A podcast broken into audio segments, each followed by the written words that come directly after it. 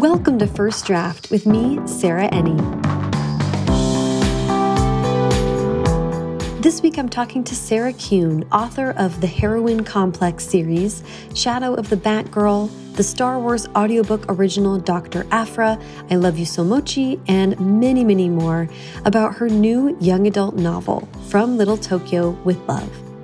I so loved what Sarah had to say about her history in geek culture before it was the dominant culture, what her background as a journalist taught her about structure and character, the self rejection that comes from believing in conventional wisdom, and on staying open to the many different and sometimes unexpected possibilities that present themselves in our creative field.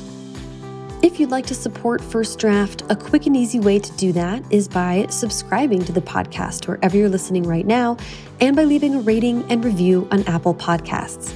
You can also go to the website, firstdraftpod.com, to check out the show notes for this episode and every episode, where I put links to all the things that the guest and I talk about. First Draft is an affiliate of bookshop.org, so when you shop through the link on the website, it helps to support the show and independent bookstores at no additional cost to you. You can also sign up for the First Draft newsletter at firstdraftpod.com to make sure that you never miss an episode and to hear about news and upcoming events. I am also so excited to announce that First Draft merch is now available on the website.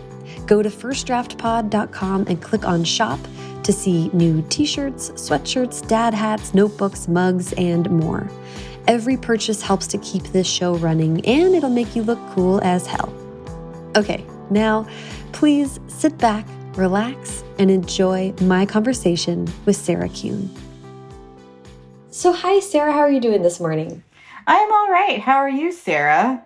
Oh, I'm so good. I love that we're having a, a Sarah combo. A Sarah Summit, finally. I feel like we've been wanting to have a Sarah Summit for a while. Forever, yes. I'm so excited to chat today. I'm going to, uh, there's so much that you've written that I want to get to, but I want to start with a little bit of background about you. Um, mm -hmm. So we're going to go all the way back to the beginning, and oh. I'd love to hear about where you were born and raised. Oh my goodness. That is the beginning. yes. I was born in a very small Oregonian town called McMinnville. That's where I lived pretty much all my life up until I turned 18 and went to college. And yeah, it was uh, an interesting existence, small town Oregon. In addition to asking about where you were born and where you grew up, I'd love to hear about how uh, reading and writing was part of growing up for you. Oh yeah, I mean this is I always love hearing about this from other writers too. I've talked about this a decent amount before, but the town that I grew up in, especially at the time, was very small very mm-hmm. white. I felt, you know, constantly like an outcast, like I didn't mm-hmm. really belong there. And I think for me, you know, I wasn't like a lot of writers. I was a very early reader. I loved mm-hmm. stories. Mm-hmm. Um, I think my mom also really tried to instill that in me. Like she wouldn't let me and my brother watch TV. So mm. of course we later became totally addicted to TV. but yeah. she was very encouraging of our reading and, you know, always made sure we had books and that we had access to the library and all of that. So I think growing up, like, I really just used the library as kind of a way of finding books that, that sort of felt like escapes, that, that sort mm. of felt like, you know, oh, this is showing me that there's a bigger world out there. There's kind of a world beyond myself. Um, mm-hmm. That, of course, was very appealing. Mm-hmm. Uh, so I read a lot of science fiction and fantasy. I, I still remember what that wall of the library looked like because at the time it was oh. just like oh. this one wall that was like, you know, the big shelves of all the different books shoved together. So I read a lot of that. Then, of course, you know, a lot of the kind of tween teen girl touchstones like Babysitter's Club and mm-hmm. Sweet Valley High, and then also just everything uh, sci-fi fantasy, and of course comics. I was very mm-hmm. addicted to from a a pretty young age. And as far as writing, I think you know I tried to think about this because, of course, now, I mean, I'm sure you know, you get this as well. Like, as a writer, you always get asked, like, what was the moment when you mm. knew that, or, you know, when you really felt this was a passion or like whatever right. it is. And I'm not sure what it was for me. I think, obviously, being a big reader, I think I naturally embrace stories, but I don't really remember when exactly I started writing. You know, I mm-hmm. remember as a kid, I did a lot of the things that a lot of kids do. I wrote comics with my brother. You know, we were both mm-hmm. really into comics, and I did find um, when I went uh, back to Oregon a couple years ago, I found the old like yellow legal pads where we had like written and drawn all these comics. And oh. the best one, the best one was um, I don't know why. I I feel like as kids you just get obsessed with things and you don't really know why. Mm-hmm. And I guess that's part of the fun of being a kid is also there's no one being like you should actually not be obsessed with that. Please mm-hmm. stop. And so I guess at the time that we made these comics, we were really obsessed with two things Star Trek and Lamb Chop, you know, the little uh, puppet. I don't, I really don't know why. Um, and so I love Lamb Chop too, but I would never have guessed that that was going to be no, what they, you said next. Just, seems like not things that usually go together. um, so we create we made these comics that were called Lamb Trek, and they were Star Trek, except everyone was a lamb chop. Like everyone That's had so like good. the little eyelashes and the like the fluffy like coat and the little tongue sticking out, except they were like drawn like the different Star Trek characters. And oh apparently the way that we thought we you know we were so clever is like all of the characters were just the characters, but they had names that started with L. So Worf is Lorf and that was it was like but you know i was looking at those and i was laughing I but i was also like oh you know back when we were kids i it looks like i actually did know what a page turn is like i did know right, that you're right. supposed to have like that mo that last panel that makes someone want to turn the page which is mm-hmm. something i then relearned in a more official sense when i was actually writing comics Right. So I guess like I feel like I was I was always doing things like that, these sort of like weird creative things and of course like when you're a kid it, you know it can be for fun like i feel like no one's mm-hmm. asking you like are you getting paid for that like it's you know like you can actually do right. do stuff like that for fun and so um i think um this sort of like then genesis of, of me as a writer is something else that I kind of did, you know, kind of for fun, which is in middle school, uh, me and my friends, it was like, you know, a group of six or seven girls mm-hmm. started. I don't think we knew this was, was what we were doing at the time, but it was basically a zine. It was like an old mm-hmm. school zine. So it was like we would all like write or draw different pages. And mm-hmm. then our friend whose dad like worked in an office, she would take it to his office and she would like make copies of all the pages and staple them yeah. together. Yeah, and that was our zine. And I think that's when I, you know, it was just like a creative outlet. Like it was really fun. But I think that's kind of when I was like, oh, um, I would love to, you know, like have my own magazine or, yeah. you know, have something where I can just share all these important opinions I have. yes. um, yes. And, you know, stuff like that. So I think at some point, you know, because my mom was a Japanese American. I am mm-hmm. a third generation born here.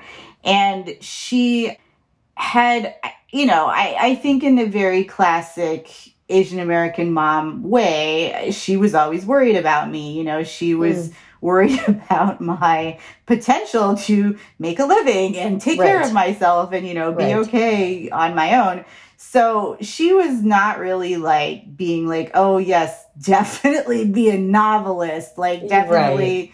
you know, go into this thing that eh, there's no sort of path, there's no guarantee, like all of that.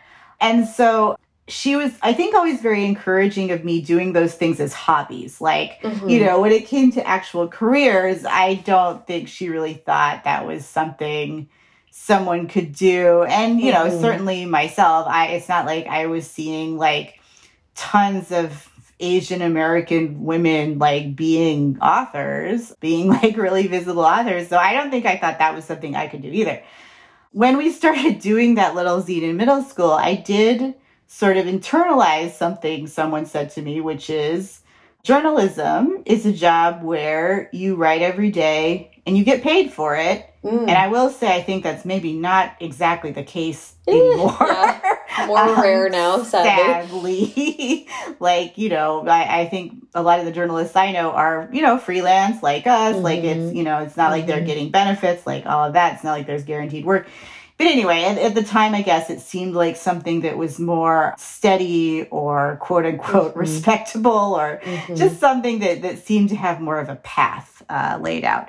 So I was like, okay, well, maybe I could do that. I could be, um, you know, a journalist and then I could get a job and I could get health insurance and I'm still writing but my mom can maybe see this as more of like a career that someone can have and yeah. i suppose that i could also see that a little easier as well so i think those were like the starting points yeah. um and the uh, building blocks yeah like the hobbies and then the the journalism and the zines and and all of that i think kind of contributed I do want to ask, just because this is so relevant to um, the rest of your work that you do now, about you know quote unquote nerd culture mm -hmm. at that time you know you and i are around the same age and when we were growing up like nerd culture is like the dominant culture now yeah um, marvel and dc are brands that everybody knows and all of those characters are things that people are engaging with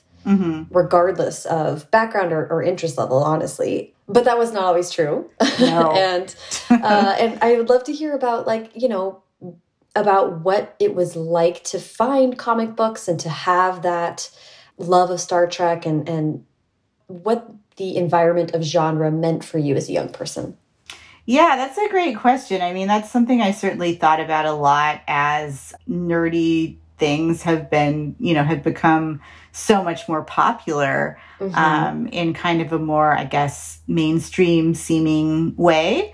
But yeah, I mean, when I was growing up, that was not cool. Like, I, I think, I think when I was like a really little kid, I didn't real you know before you like are actually like in school a lot and have a regular class and all of that i don't think i really understood that it wasn't cool because my family was very sort of nerd centric like my uh-huh. my two aunts were very into star wars and star trek and like fantasy novels and you know they kind of like i think in like exposed me to that i guess a bit like yeah. exposed me to what that was and I don't even remember when I saw Star Wars for the first time. I feel like it's just always been part of my mm-hmm, life. It mm-hmm, was probably mm-hmm. my first, you know, big obsession. I do remember that once I got to middle school, I somehow knew that those things weren't cool. You know, mm. I had like, I, I was obsessed with like all the Star Wars novelizations, and I remember like hiding them, like, because of course, like, I didn't think like, oh, you should leave the book at home. Like I always took mm. the book to school with me, right, um, right. which I think is probably another thing that a lot of writers can relate to. Mm-hmm. I knew that those things were not considered cool, and I think especially like the sort of era that probably we were in middle school and high school, those things were kind of not as prevalent as they are now either. Like Star right. Wars was sort of considered this very old fashioned, like, mm-hmm. you know, there weren't like new movies coming out. Like it was mm-hmm. sort of like this cheesy, like people made fun of it. You know, I don't think there was really, I don't remember when, um, when like next generation and stuff was like first airing but i think star trek also was not like seen as like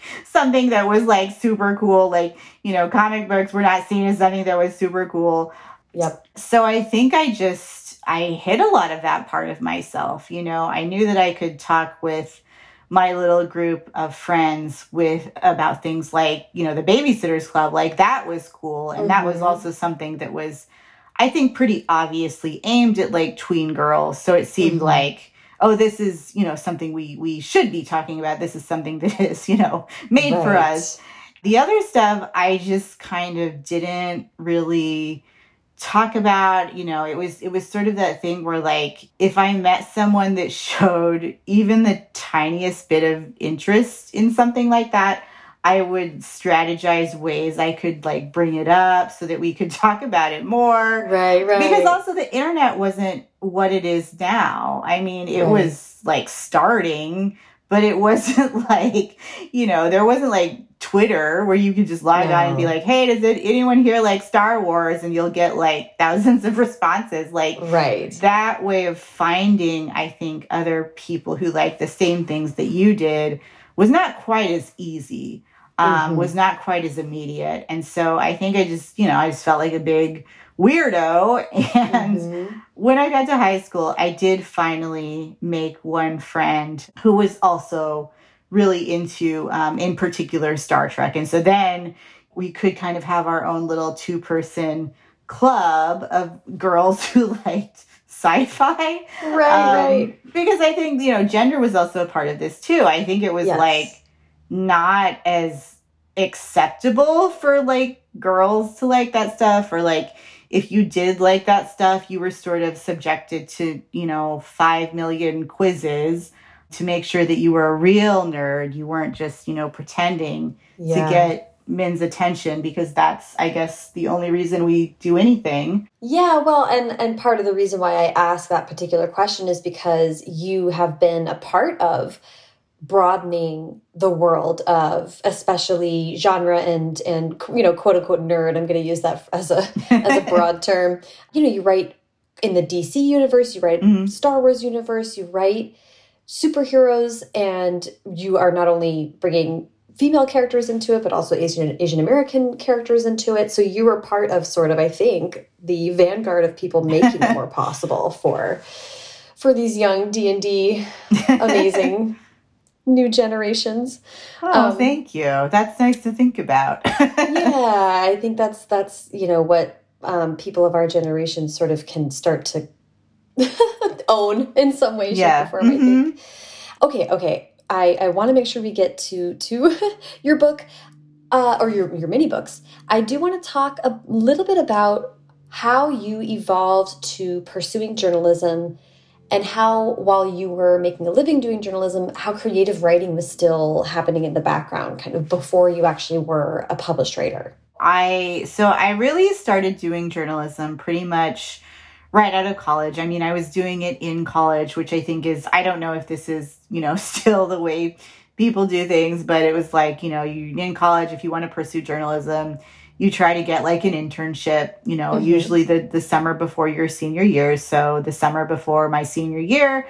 I interned at the Oakland Tribune in the arts Ooh. department. And because it was a pretty small staff, I did get to write the occasional article, which was really great. And then uh, when I went back to school for senior year, I kept freelancing for them a little bit. So that was also great. You know, it kind of gave me some of my first professional clips.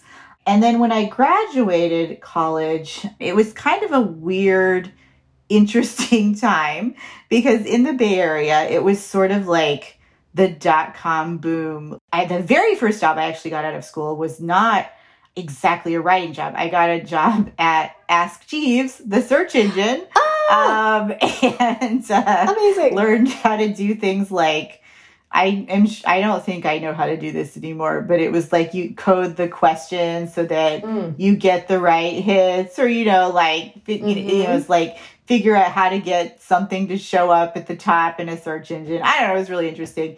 And yeah. it was all around, you know, the content I was interested in, which was like movies and TV and sci-fi and stuff like that. So mm-hmm. while I was doing that, I was still freelance writing for the Tribune and some other places. And I started writing for the website IGN, which is still around mm-hmm. after all of these mm-hmm. dot com boobs and busts. So mm. one of my my beats was covering Buffy. So I wrote, you know, I wrote about all the episodes. I interviewed most of the cast. Like I did things like amazing. that, and then I and I did things like that for you know other other shows and properties and comics and stuff that were big at the time too. So that was like my first like big journalism job out of college and I worked there for a while. I, that was actually kind of where I got my first um my first like fans, I guess, like my first oh, yeah. followers.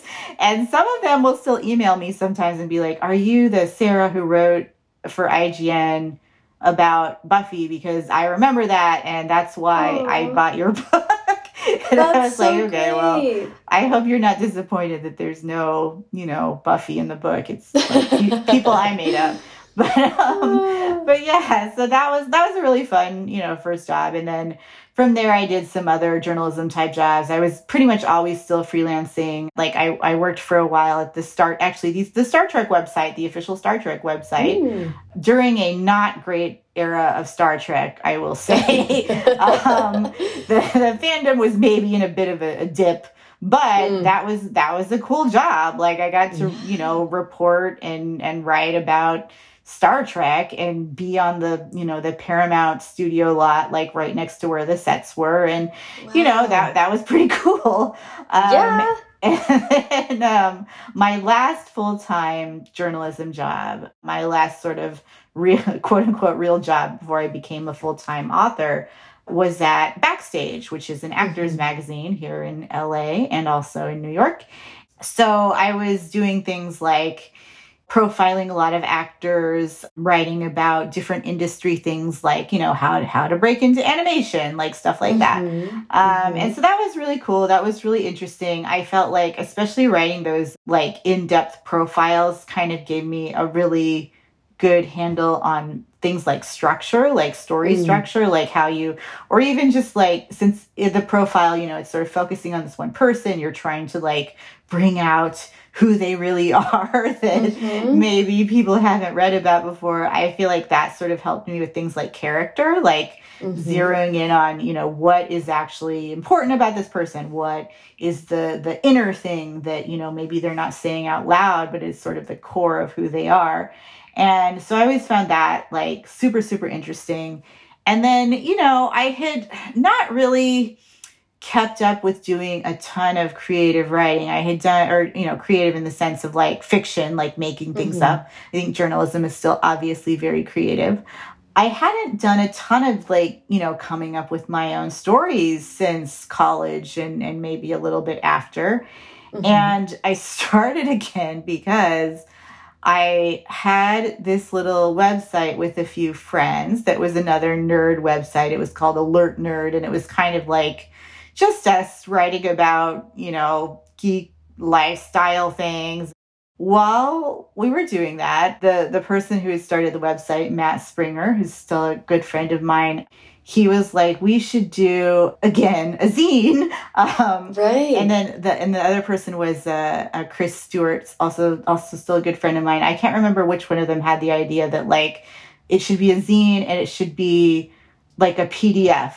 So we started that, and the thing was like, oh, it'll be like not something that comes out that often. Like maybe it's like twice a year or something, and it will always have a theme like a, a prompt or a code word or you know something that is, mm-hmm. is we can loosely base whatever is going in here on and so the theme of the first one and again i don't remember which one of them came up with this i just remember it wasn't me was Pon farr which is mm-hmm. the vulcan mating ritual um, mm-hmm. wherein you know they only do it every seven years. Mm-hmm. But when they do do it, they're like, you know, super horny. Like Vulcans are actually like super horny. They're just like suppressing it a lot. So mm-hmm. um, I was like, okay, Pon farr, like what does that, what ideas does that spark? Like, what does it make me think of? Mm-hmm. And I don't remember why I thought of this, but I was like, what if, what if there was, you know, this girl who definitely has not had any any romance, anything like that in her life for at least seven years mm-hmm. and is actually quite opposed to that. And what, you know, and also kind of like a lot of geeks has these very strongly held beliefs about stories, about fiction, uh-huh. about who's the best, you know, X X-Men, who's the best Batman, like all of those things, like what's the best Star Wars, like she has a lot of opinions about all of those things. Mm-hmm. What would it take for her to change her mind about something? That was sort of mm. the initial thought. And so what I ended up writing was this novella that was like a serialized novella. We put it out in, I think, three parts and then we collected it. It was called One Con Glory. And it's mm -hmm. about this girl who's a really grouchy journalist who's covering nerd things and conventions, which was basically my job for a while. And um, of course, she ends up having like a romance with this guy who is an actor that she's supposed to interview and it goes really oh. really badly and the reason it goes badly is honestly because she's a jerk to him mm. because mm. he is playing this character that she feels very strongly about and she feels like he's miscast like he's too mm. you know it's that classic rom-com thing where she's like he's too handsome he's just too handsome which is not a thing that will affect me at all ever because i don't like things that are too handsome. Mm-hmm. But of mm-hmm. course, she finds that there's like a lot more to him under the surface. I think I was also kind of trying to do a little bit of a gender flip on something that I had dealt with, which was people not thinking I was a quote unquote real nerd. Mm-hmm. And so she goes into it being like, well, he's not a real nerd. He's just like this pretty face. Like mm-hmm. he read like, you know, the Wikipedia or something. Like he hasn't read right the millions of comics that I have that entitle me to act like a jerk. Right. And right. so then, of course, she finds out that he has, and he actually is a nerd, and he has this kind of, you know, geeky origin story, and they actually connect because they both are obsessed with this one issue of the comic that no one else likes. It's like the most unpopular story. I called it my Comic Con rom com, and it yes. takes place only over Comic Con. So it's over like, you know, the three or four days that, that Comic Con occurs. It was just like me kind of like writing something in a context that I knew that was also this character I felt like I hadn't seen very much of before, where it was like, okay, it's this girl, she's a nerd, but she's the main character. She's not, you know, the girlfriend or the sidekick mm-hmm. or the girl who like takes off her glasses and she's been a supermodel the whole time. Like mm-hmm. she's not a prize that someone has to win. She's not a nerdy boys like reward. She's mm-hmm. the main character. And she's kind of just as much of a jerk as some of these other guys, you know. so he's right. fighting with people about, you know, Superman and stuff. I think because this was such a, she was so central and this was an experience a lot of geeky girls could relate to um, it did get kind of a following um, amongst that that sort of demographic mm-hmm. where you know they're like finally this girl she's like arguing with these guys about all the things I'm always arguing about and mm-hmm. you know mm-hmm. she's actually in the main role and you know it's not what we're used to seeing so yeah it, that that was interesting because that was really something I just kind of wrote honestly to entertain my friends off of this mm-hmm. prompt Pon farr. and I kind of thought they would be the only ones who read it. But yeah, that was my first foray into fiction after really primarily doing journalism for a while. Right. And and One Con Glory, I think it was like even optioned for film. Yes. I mean it still is. It's still still technically in development. But yeah, that you know, that was a fun experience. I wrote a screenplay for it. I changed some things. I I even wrote another version a few years later to kind of reflect like how fandom had changed because mm -hmm. in the original in the novella she was the main character was the only woman writing mm. for this big geek site. And that had mm-hmm. been my experience as well. You know, when I started at IGN, there was one other woman editor on staff who wrote kind of the um, like sex and relationships type content. And then mm. there mm-hmm. was me. Then I think at one point she might have left or something. So then it was just me. But yeah. I was I was very used to being in these kind of like man dominated spaces. Uh-huh, and uh-huh. I felt like for a while, you know, when I was going to these nerd events to cover them or conventions or junkets or whatever, a lot of times I was the only woman. Mm-hmm. And then there was, I think, kind of a sea change where now I feel like I look at the landscape of nerd journalism and it's mostly women. You know, right. like the site Nerdist is run by women. Mm-hmm, um, you mm-hmm. know, there are sites that are dedicated to like women in fandom. Like that is not something that was happening when I was working in that profession.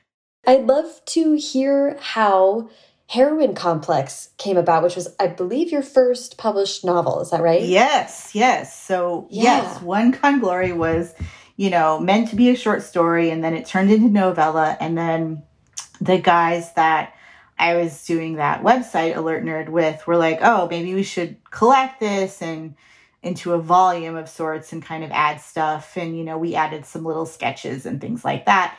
Mm-hmm. So we did that. And again, this was something that I was like, this is, you know, for, for my friends, like there's, there's no real, I guess, ambition behind it. It's just a story that I hope people enjoy and that mm-hmm. people seem to, to connect to. And, um, when it started getting a following, I did get kind of some interest from, I guess, you know, quote unquote official like publishing types, like official mm-hmm. official people.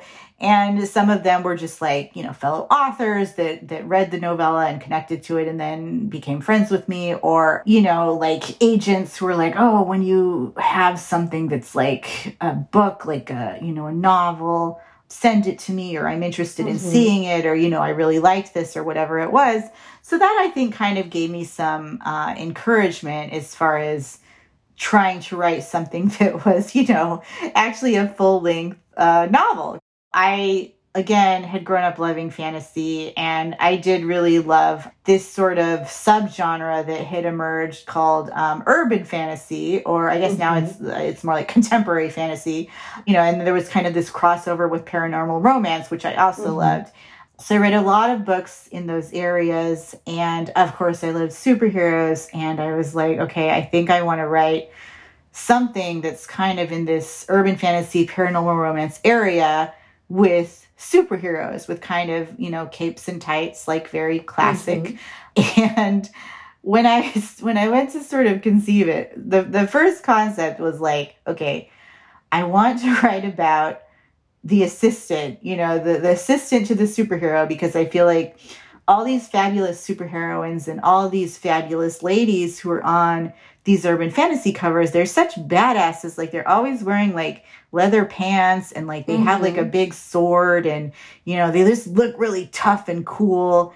And um of course my question was like, but I feel like you're always like doing these battles like they're very messy like you have a lot in your life you kind of have to organize like I don't know. Someone probably has to update your social media or take your costume to the to the dry cleaner. Who is that person? Who has to right. do that? Who's like the support staff for these superheroes? Yeah, who's and your so, team? and so I was like, okay, that's it. I want to write this book about um, the personal assistant to the superheroine who, of course, you know, perhaps has her own uh, superpowers that mm-hmm. she has mm-hmm. to kind of grow into.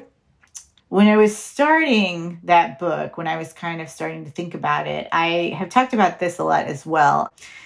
You know, with One Con Glory, I had created this protagonist who was a lot like me in, mm-hmm. you know, her job and her attitude, her general demeanor, like all of that stuff.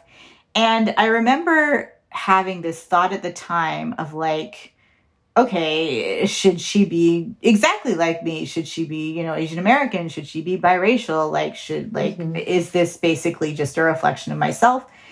And I remember how quickly I rejected that. I was like, no, mm-hmm. that, no, because then the story has to be about racism. Like, she's going to be oh. dealing with more important things than whether she has to get this action figure back. Like, that can't the, the whole story then has to be kind of about you know things that are hard things that are sad mm. it has to be about the struggle and that's not what the story is and so i just uh, like i still remember how quickly i i dismissed that how there was this mm. kind of built-in self-rejection and when that story started becoming popular what i learned was a lot of people just thought that character was Asian because they thought she was me.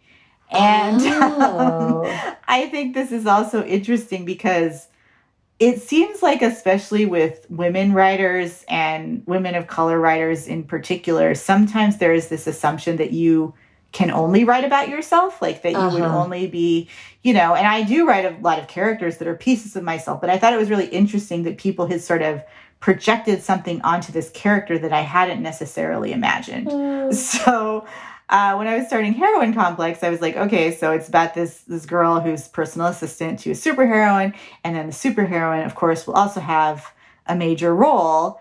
And I was like, well, you know, I think no matter what I do, everybody's going to think these characters are Asian. So mm. I might as well make them Asian. Mm-hmm. And um, I wish, you know, I always say, like, I wish that was like a braver story. Like, it was like I was taking a stand on something, but I really wasn't. I was just kind of like, everybody's going to think this, so I'll just do it anyway. It wasn't really until I was writing that book when it was this sort of pure blast of fun. It was supposed mm. to be a lot of the things that I had grown up loving, you know, the the fantasy, the superheroes, the sort of wild romance, all the adventures, all of these kind of fun, poppy, cartoony things. Mm-hmm. Putting girls who looked like me into that context did feel really cool. It did feel, you know, yeah. pretty empowering. I mean, I think sometimes we also like, I don't know, maybe assume that there is certain I guess, conventional wisdom out there that ends up not really being true. Mm-hmm. And I don't want to say that in a way that uh, downplays any of the barriers or any of the actual horrible racism that certainly mm-hmm. exists in every industry I am part of. But mm-hmm. I think there were, you know, with Heroine Complex, there were, when I was first writing it, before I even had an agent or anything, there were people who were like, oh, you will never sell this. Like, this is mm. very niche. If you do want to sell this, you have to make these characters white, or they won't let you have two. You can have one mm. of them, but you have to make the other one white. And then it was like, oh, but they won't, they won't put them on the cover. They won't put their faces on the cover. Like, all of these things that mm. none of them ended up being true. Right. And sometimes that, that really boggles my mind because I'm like, look, I have also experienced a great deal of racism in this industry. It mm-hmm. is, you know, a systemic problem that, you know, is not easily solved. Mm-hmm. But there are things that are not necessarily true all the time. And mm-hmm. if you mm-hmm. start from a place of, you know, rejecting yourself right away, then yeah, I guess, you know, nothing will happen. But right. you know, you you might want to think about like sometimes when people are like, Oh, what advice would you give younger writers? I'm like, I would tell them not to listen to any advice because yeah. a lot of people, especially with writing, really want to give you advice. Uh-huh. And much of it is probably not applicable to your very specific situation. So, yes. I do want to ask, just kind of from a publishing standpoint, did you sell the, the heroine complex became a trilogy and now we've re-upped to a new trilogy which is kicked off in 2020 with haunted Heroine. mm -hmm.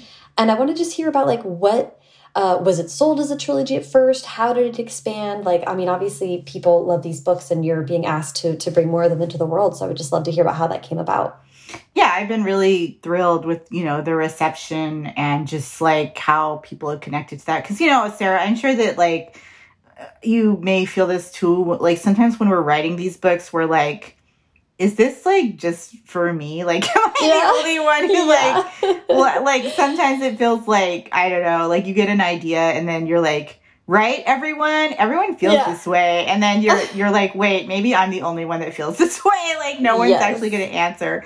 So yeah, uh, those books were sold um, initially as a trilogy. That was three book deal, and I think um, obviously, you know, that was that was my first novel. So I had completed the the first, you know, manuscript of mm -hmm. Heroine Complex and then I had written up a little document that had maybe like half a page about like oh here's what the second book would be here's what the third book would be mm -hmm. and i the only thing that i really knew for sure was that i wanted the books to have different POVs. So the first one was. Hmm. Evie, the second one is Aveda, the third one is B.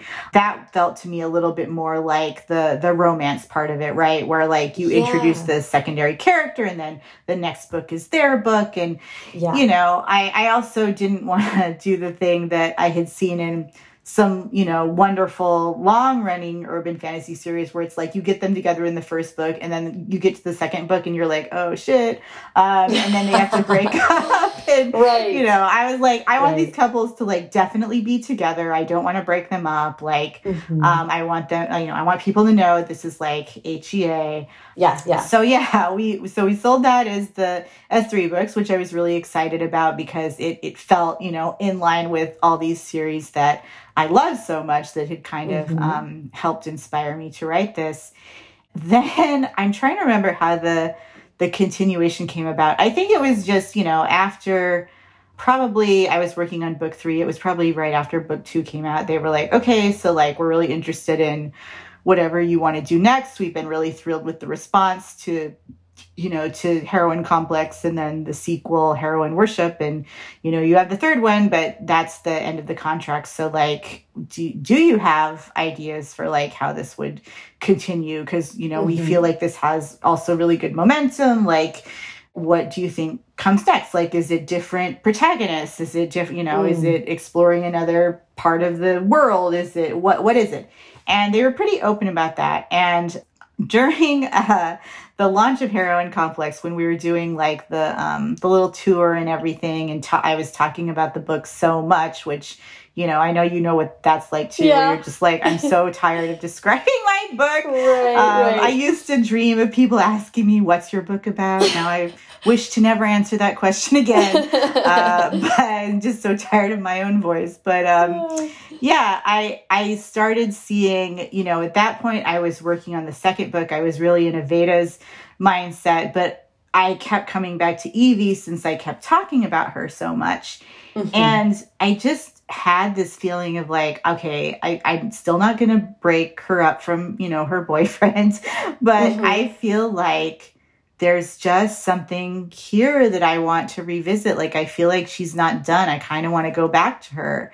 So mm. I, I pitched the publisher, like, I think the second trilogy would be kind of a sequel for everyone. Oh. We did do a time jump in the third book. So the first two books are, you know, Evie and Aveda in their 20s, and then Evie's younger sister B, who's the the protagonist of the third book, she's a teenager. So mm-hmm. um, to make her, a, you know, an age appropriate heroine, because again, this is an adult series mm-hmm. with a lot of adult moments. Mm-hmm. I was mm-hmm. like, well, I think maybe there's a little there's a little time jump so that you know now she's in her 20s like mm-hmm. she's still very you know like 22 23 she's still pretty young but she's in her 20s evie and aveda are in their 30s now like we are letting these heroines age as well mm-hmm. as i am mm-hmm. aging and mm-hmm. so i was like okay i feel like it you know doing this time jump and everything there's still maybe a lot more to explore with these characters and the first trilogy was kind of like second coming of age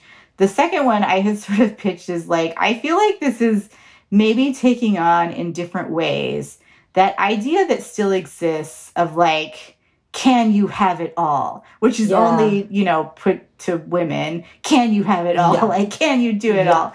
And I think, um, however you answer that question, like, it's just so toxic, right? Like, that premise mm. is so toxic. I wanted to kind of explore that idea of like, okay, these these heroines, the first two anyway, are now in their 30s. They're probably thinking about some different things. They're probably dealing with some, you know, some different life events. And so that took me to uh, Haunted Heroine, where I was like, okay, now the the heroine from the first book, Evie, she's pregnant. She's kind of freaking out about it, even though she knows she's just supposed to be happy.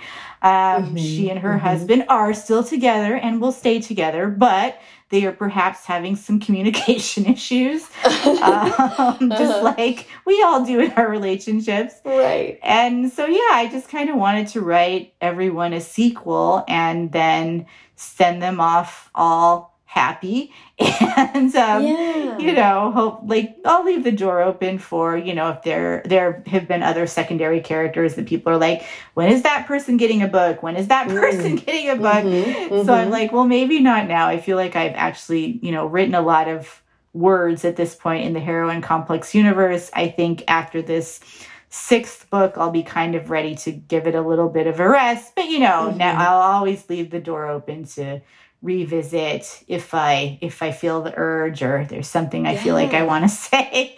I want to talk a little bit about the IP work. Mm -hmm. I want to make sure we're focusing on your original stuff, so I don't want to get too too deep into it. But you have written very notably in the worlds of DC and Star Wars and Archie and Barbie, lots of stuff. yeah. Um, so uh, you're a very busy writer. So I just want to hear about how you got into that kind of writing and what you've enjoyed about getting opportunity to write for existing IP? Yeah, um, I think it's always come about in, in, you know, kind of a like roundabout sort of way, especially the first times. I was trying to remember like the first licensed things I wrote. I feel like it might have been Barbie, mm. and that was just off of you know the first the first ever comic I wrote was for this romance comics anthology called Fresh Romance, and I wrote this story about this girl who is actually like a creature from another dimension who her like day job is supposed to be to help humans make love matches like she's kind of like cupid or something but mm-hmm. she hates it like i i love this idea of like you you know if you have like this like drudge like drudgery type office job that you hate but her job is like she's supposed to help people fall in love and that's how she sees it. I thought that was funny. Um, so i wrote that as like my first comics thing and then um, people kind of started contacting me off of that which was really cool and i think that's actually how um, barbie came about and then i off of that i started getting offered some other things and yeah it's it's really fun i mean you know a lot of these characters are, are of course characters that i i've loved forever i mean mm-hmm. the fact that i have gotten to write the cassandra cain batgirl who you know she mm. was always my favorite batgirl i just love her so much or uh, the fact that you know i have like a star wars book with my name on it like that's still yeah. just weirds me out so much. um, but yeah, it's it's really fun. I I think it, it, I always see it as you know kind of a fun challenge, right? Like mm-hmm. because when we're creating our own work as writers, you know, we we can sort of do whatever we want. I mean, within reason, within you know mm-hmm. what, mm-hmm. what our editor will will say is okay. But you oh, know, right. we're we're the we're in control of that universe. It's our creation. It's you know we can expand it however we like. And with IP and license work, there are, of course, always guidelines or guardrails or, you know, do's and don'ts or things like that. Mm-hmm. So I mm-hmm. always find that an interesting challenge to create a story that fits within those parameters, but still has something of me in it, you know, still mm-hmm. has some kind of stamp of my own in it. So mm-hmm. I always find those kinds of challenges really really interesting yeah. or you know like with dc like those the shadow of the batgirl which is the batgirl I, book i did with uh, the artist nicole goux like obviously those you know those weren't connected to the dcu canon they're kind of their own little world the dc young readers books mm-hmm. but there are still things set up about that character set about set up about you know gotham city and things like that there were still things like we had to keep in mind. You know, you can't mm-hmm. just start like making a bunch of stuff up. Like you still have to like, right. you know, think about like what is the actual thing that people know, like what what is Gotham City, what does it look like, like all of those things. I do remember one the one area where we kind of deviated, and this was something I didn't really think of until we were pretty late into the book because I we had to come up with like, okay, so Barbara Gordon who is of course Bat the original Batgirl, but she's not mm-hmm. telling Cassandra that she's the original Batgirl. You know, she's moved away from that life. She's a librarian mm-hmm. now. Like she's kind of in our book on her way to becoming Oracle, but she has not done that yet. Mm-hmm. So we're talking about like, oh, then we have to show when Barbara finally reveals to Cassandra, oh yes, I used to be Batgirl. Like here's how that went. Here's how I got the mm-hmm. idea. I was like, I actually don't think Batman exists in this version of Gotham City. I oh. think oh. that I was like, we don't need Batman. He doesn't have to be here. But Ooh. also I was like, I was like, part of the book is that there's like this big like crime wave happening. Mm. And I was mm-hmm. like, there's a big crime wave happening in Gotham City and Batman isn't doing anything. He's like MIA, yeah. Yeah. I feel like that reflects very poorly on him. and, you know, like Cassandra still has to have a reason to like suit up and be Batgirl. But if Batman's already there, like solving all the crimes, right. then she wouldn't have to do that. So I was like, I feel like Batman doesn't exist. I feel like Barbara actually got the idea to be Batgirl, not because she saw Batman, but because like it was something like, oh, she and her mom, when they were, you know, when she was a kid, like they always made these gadgets and a lot of them were in the shape of a bat and her mom really liked bats. And so then she adopted that. And, you know, it was sort of like stuff yeah. like that that we tried to convey in the visuals of that flashback. But um, I still think it's funny that we we wrote this whole, you know, Batgirl comic and then at the end we're like, yeah, Batman just doesn't exist in this in this yes. world. I love that. Oh my God, I love that. That's cool. I, I want to ask about I read or I heard you talking in another interview about that you got fan mail after I Love You So Mochi and uh, from readers who said that they really related to the depiction of anxiety in the book. Oh, that was actually heroine complex. Oh, was it? Oh, okay. yeah. Well, maybe it was in Mochi too. I don't know. I've probably written anxiety in a lot of a lot of books. but the the fan mail I remember specifically was because when I wrote Heroine Complex, honestly, I did not know that that was a thing. Like I didn't know that anxiety was something you could be like diagnosed with.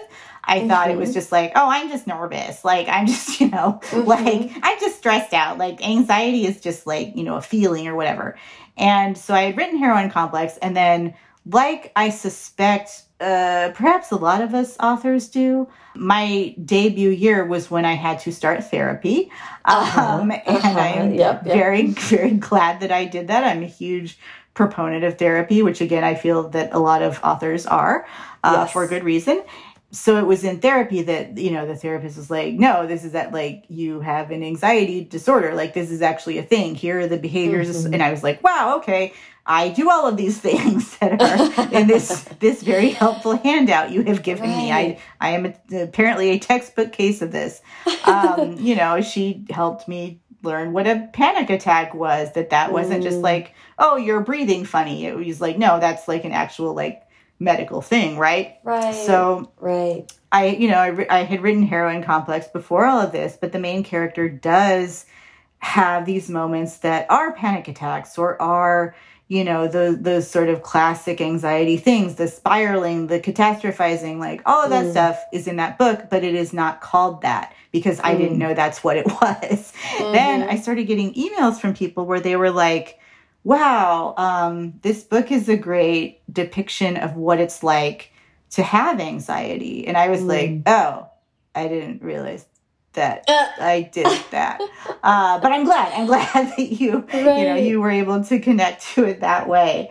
But yeah, I mean, I guess that's like the case with a lot of things we write about, right? We don't realize what it really is or that it's actually yes. about us until much later. Yeah, that's what I I connected to with that with that story was so much was just that like we write things that are truthful, but often it takes you know, it sounds so wild to be like, it took me writing 120,000 words to like understand this like one small thing, but that's yes. sort of what it is, you know? Mm -hmm. very intriguing. Okay, I really want to get to From Little Tokyo with Love. Yes. So let's talk about, please, if you don't mind, actually pitching that book for us. And then we'll ask more questions sure. about it. yes, I'm trying to remember what, um, I'm trying to remember what the actual pitch for that book was. Um, I guess, you know, okay, so it is about a very angry half Japanese American girl growing up in Los Angeles's beautiful little Tokyo neighborhood. Mm-hmm. And she does not believe in fairy tales. She does not believe in happy endings. She does not believe in romance. She's very against all of those things. And then she gets swept into her own modern fairy tale. And I guess, spoiler alert, she might change her mind about some of those things. yes, I love that. Perfect. So obviously, after your first YA novel, I Love You So Mochi, you got the opportunity to write this book. Was that, mm -hmm. did you have, I'm just interested in, in, obviously it sounds like you had a good experience with YA, so you wanted yeah. to do it again. Like how had you been thinking about what else you wanted to explore in the teen space? I had a couple of inspiration points, but one of them was, and again, so this was like not me really thinking like, what, you know, what is the next YA book? It was just kind of mm -hmm. like, mm-hmm. here's an idea But, you know, like most of us, I saw Crazy Rich Asians the, you know, Mhm, the day it came out. And even though I had at this point, you know, had a few books come out. I had they always focused on Asian American women. They always had this big element of romance. They're very fun and poppy. And, you know, I had spoken so much about representation and Asians and fun stories and the, the importance of, of having these fun stories starring Asian girls and all of that stuff. I felt, you know, I feel like in that area I am I am reasonably aware. I have a reasonable amount of knowledge about all the other wonderful work that's out there. And still seeing that movie was was mind-blowing to me. You know, seeing like seeing this sort of big splashy like studio picture um, Mhm. with a pretty much all Asian cast, with you know this sort of joyful story, with this big Mhm. emphasis on romance, with this focus on the main you know Asian American female character. It just really like kind of blew my mind. And one thing I was thinking about was, um, what if there had been a bunch of these movies? Like, what if I had grown up with these movies? What if Mhm. there was an actress who was basically Constance Wu, but had done a bunch of these, like sort of like an Asian American Meg Ryan, because you know Mhm. when when we were younger, I feel like she was the you know her and like Julia Roberts and stuff. Like it was always them in these movies, Mhm. and I love those movies, but I did not uh, you know see myself in those movies. right. So I don't think I, I ever pictured myself as like, you could be the person who's, you know, having this romance and um, having their sort of desire treated as something important and running, you know, running through the airport or running down the beach in a big Yeah. giant ball gown or like whatever it is. I didn't really ever conceptualize like that's something you could do. And so I was like, well, what if there was this kind of Asian American like rom com star? Like, how would that have uh, affected people? Like, how, you know, how Mhm. would that especially affect young Asian American girls? That was kind of the start of it because, you know, as you know, in the book, there is um, an Asian American rom com star. And there is an idea that she perhaps has a, a little connection to the protagonist. Mhm. And, you know, since in creating that protagonist, I was like, well, I think this girl has to be, you know, just against all of this. Like, she Mhm. feels like she is not someone who can imagine herself in this context, just as I could not imagine myself in this context when I was younger. She doesn't. She doesn't think that someone like her could have a happy ending because she's she doesn't really see that a lot. So I was like, we have this person. And then she finds out that maybe she has this connection to this other person who's kind of one of the chief like perpetrators of this like happily ever after business, right? Like Mhm. that that's like an interesting um an interesting setup, an interesting conflict and it seemed like something that I could also use to do a lot of the, the things I like to do, to, you know, the romance, the very like cinematic, like epic scenes. The there is Mhm. actually a scene with someone running down a, running down the beach in a giant ball gown. And you know the family dynamics, the friendships, like the all, yeah, it's a pretty much all Asian American cast. Like I was like, I think this is something that maybe would be a great kind of big idea that I could use to, you know, explore some of the, these things I like to write about anyway. And I hadn't really Mhm. written a really like angry character since One Con Glory. So it Mhm. felt like um felt like returning to that a little bit. The main character, Rika, you as you mentioned, she is a little angry. She's got a little uh, temper and inner fire, we shall say, which I related to really intensely. And like over the course of therapy, as we've talked about, like I think I've sort of identified that a lot of a lot of like real rage for me that I have fostered since I was little is a result of being of basically being told this is what it means to be a woman hmm in America. And it means that you are limited and that you are less important and that you can't you know it's, it's a lot of do's don'ts box um, expectations. And I and that just made me so furious. Like Yeah. gender norms are a real as they say gender is a real drag. Um, Mhm. and it's um so I, I've, I've learned a lot that that's that that was, was a source of real frustration mm -hmm. for me my whole mm-hmm. life. And I was imagining with Rika and, and with you as writing this character in this book, you have not only the gender expectations that come along with growing up in this country, but also the expectations of an Asian American woman, mm -hmm. which are completely, uh, you know, um, separate and specific within that construct as well. So I don't know. I just am interested in, in, what you think about that, or if you identified the source of some of your own rage through writing this character. Oh, for sure, for sure. I mean, I, I, you know, and I think probably a lot of women are, are having the same experience you described, like mm -hmm. going to therapy and realizing that this rage that you know a lot of us carry inside is actually quite a justified response to many things uh-huh. and mm-hmm. so i think mm-hmm. with me like something i have kind of said about this book is that when i first started writing it and this was another one you know that i i, I wrote the proposal we sold it on proposal it was the outline mm-hmm. in three chapters and uh, this time we sold to um, my amazing editor jenny bak who is the first Asian American woman editor I've actually worked with, um, oh. which is, ah. you know, kind of Great. like yeah like amazing like i felt like she really understood this the the story on this sort of molecular level mm-hmm, um, and i mm-hmm. think she also really connected to that anger you know the anger in this mm-hmm. character and i think maybe she actually understood it a little better before i did um, but which you know happens sometimes but yeah. um I I think when I wrote the proposal when I was writing those first chapters, I was like, okay, so obviously the arc of this is that this character needs to learn how to control herself. She needs to learn mm. how to mm. control that anger. She needs to learn that she doesn't need to be mad all the time. Like, you mm-hmm. know, this is actually not healthy. And as I was writing that first, the rest of the book, that first draft, and getting to the end, I realized that I, I think this was actually, you know, this kind of 400 page letter to myself mm. saying this is actually not an inherently bad emotion. It is not mm-hmm. like an inherently bad thing to have anger. It is actually mm-hmm. a necessary emotion. It's something that can power you. It's something that you can use, you know, for the greater good. It's mm-hmm. something that is perhaps protecting you from being hurt or from being harmed mm-hmm. or is telling you that something's wrong.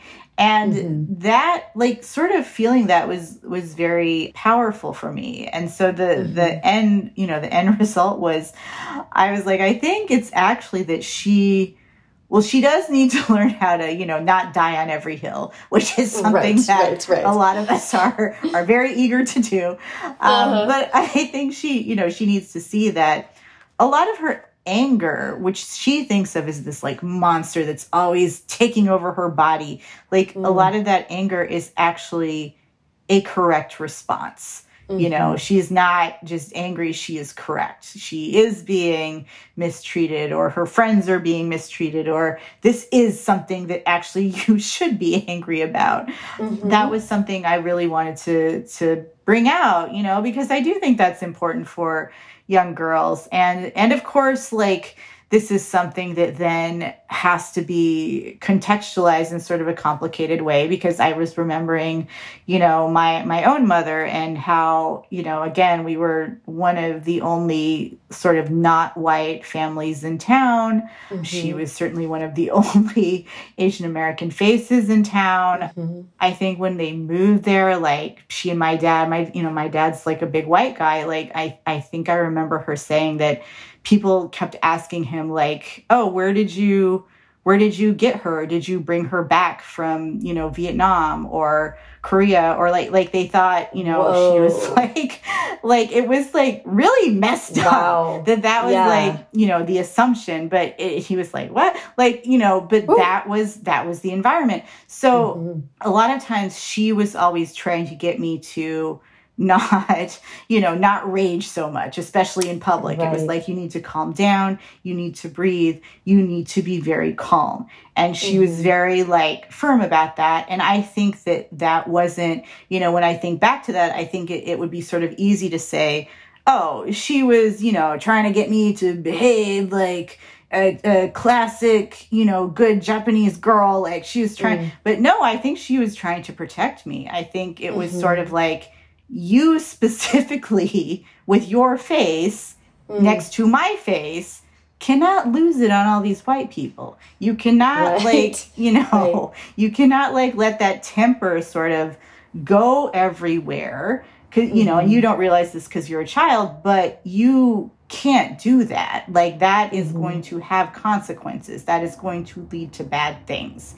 Mm-hmm. And, you know, I don't I don't think she was wrong about that. So I think there's right. also like a complicated way of, of thinking about this depending on what your you know what your background is what i what mm-hmm. identity you are you know it is it of course there is like an issue of colorism i'm a very pale person of color so i know that for me i could probably still get mad a little bit and not have mm. those consequences be as big or be as mm-hmm. horrifying but you know that is but yeah that's something that i i have really been thinking about like where did i get this idea that anger needs to be controlled yeah what are some you know what are the situations where maybe it actually does need to be because of these you know terrible external factors like mm-hmm. all of those kinds of things i've been thinking about a lot but I think ultimately with this book, like when I did get to the end of this first draft, I was like, you know, it's kind of like what we were talking about earlier, figuring out like what things are about mm. and how we relate to them and what our stories are actually about.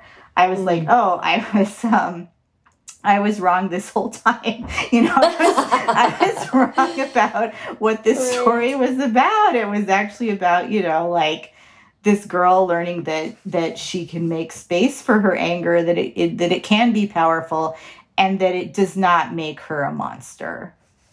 It does not make her a monster and it's so powerful to have a story that discusses honoring and and respecting and, and as you say making space for a young woman's rage while also saying you still deserve love and mm -hmm. support um, even though you feel these these really strong yeah. you know feelings um, so i was certainly pleased to see it kind of you. dealt with in this way and, and, in a really powerful kind of um, nuanced way that that was really refreshing and again like you know for so many things in this book i was like woof if i had been a young angry girl reading this book, it would have been like, yes, finally someone speaking to me, you know. Thank you. I'm glad um, that that I, I I'm glad that that can still come true for you know angry grown women like us. Yes, totally, totally.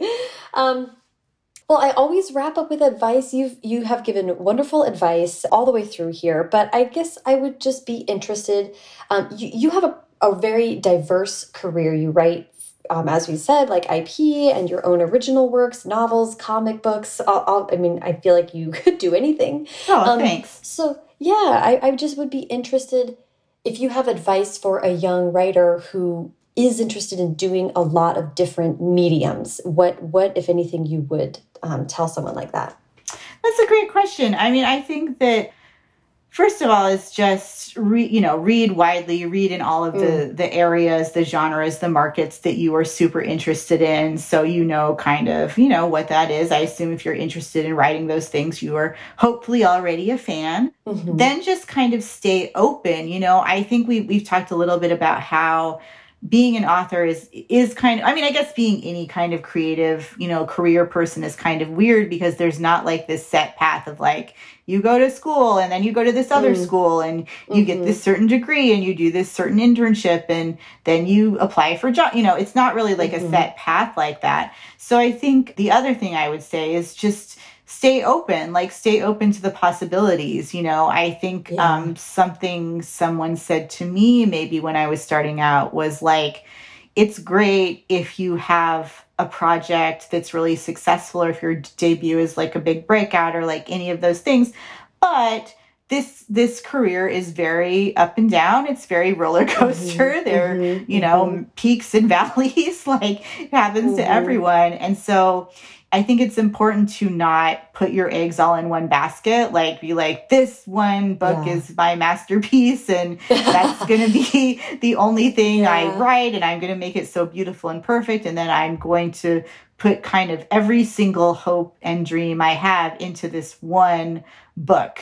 And, mm. you know, I mean, like, especially with books, as you know, it takes them quite a long time to come out um, from mm-hmm. when you from when you write them. So that's probably just not a good plan unless someone has given you like a I don't know, $10 million advance or something, then, right, then maybe right. you can relax a little bit. Um, but, you know, like, just be open to sort of what those different opportunities are, what those different avenues are. Um, and a lot of times, if you are doing that work anyway, that's when, you know, people will start to be interested. I mean, I mm-hmm.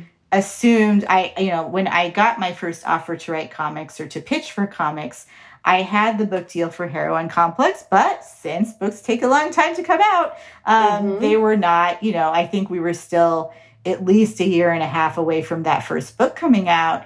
And I had sort of been in this mindset of like, well, I've really been focusing on novels. And so I have this book coming out now. So I should probably kind of focus on that. And I do want to write comics, but you know, that's probably a few years down the road. I'll probably have to like, I don't know, train and hone my skills and, you know, what a comics boot camp, like whatever it is, right, comics right. training, training montage. Um, but, you know, I had always read comics. I'd always loved comics. I had a lot of friends in comics. And so one of my friends in comics, Janelle Asselin, was starting this uh, romance comics anthology. And she just kind of emailed me out of the blue and was like, hey, I remember us having these great, com- these uh, great conversations about romance novels. I'm doing this thing. Are you interested in pitching? Like, are you interested in writing comics? And I was like, mm. actually, yes. Let me think of, you know, some pitches. And that's how that happened. And I think that happened because I had been sort of open to those opportunities. I had been, you know, in those different communities. I had been, I had always read a lot in all of those different mediums and genres. So yeah, I think it's just, you know, the natural writer thing of being that curious person, keeping yourself mm-hmm. open and just not getting stuck on like, I need just this one thing to be the only thing. Because, mm-hmm. you know, mm-hmm. for even the most like starry, successful writers usually didn't write just one thing. Yeah.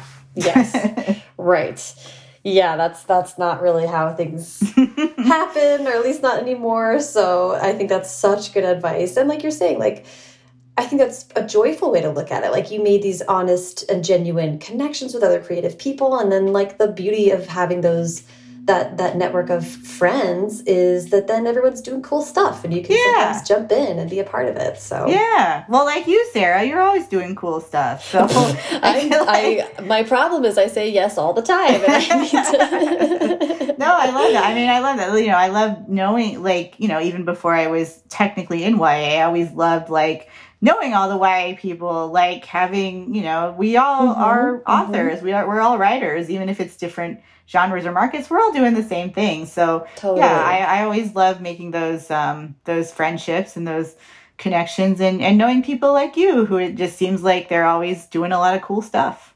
Yeah, well, well, same to you. It's the, the Sarah Hive is, yes. is going strong. That's right. um, oh my gosh, what a wonderful conversation, Sarah. I so appreciate all your time today. This was a total blast. Yes, thank you. That was really fun. Thank you so much to Sarah. Follow her on Twitter at Sarah Kuhn and on Instagram at Sarah Kuhn Books. Follow me on both at Sarah Enni and the show at First Draft Pod. As I mentioned at the top of the show, leaving a rating and review on Apple Podcasts is one of the best ways to support the show and help new listeners find us. I'm going to read a recent review that was left now. This was left by Emily Joy Howard. Emily says, getting to the heart of writing. I am so grateful for Sarah's deep research and heartful questions. I've always appreciated her vulnerable approach, but was especially struck by the recent John Green interview where Sarah shared a personal connection to his work and was moved to tears. That moment and the fact that it stayed in the final version of the show made me think about how Sarah's brave approach makes her interviews deeper than other shows. Thank you for the gift of them. They help me find meaning in writing on days when that feels hard to come by. Uh, Emily, you're going to make me get emotional about that. I am so grateful. I'm, I'm so glad that that moment connected with so many listeners. I'm really moved by everybody reaching out to me about that.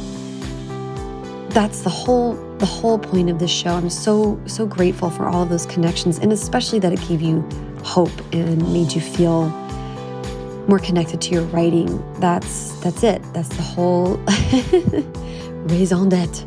Um, thank you, Emily. Leaving that review helps the show a ton and it makes me feel very happy.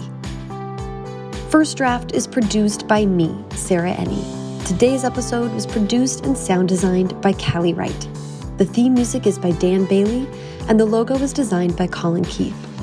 Thanks to social media director Jennifer Nkosi and transcriptionist at large, Julie Anderson. And as ever, thanks to you, Lorfs, Charlie Quarks, and Hush Ciscos, for listening. Oh, Sarah, I think lamb track is one of the one of the favorite things anyone has ever said in the history of this podcast that yeah. I just and that makes me so happy and lorf.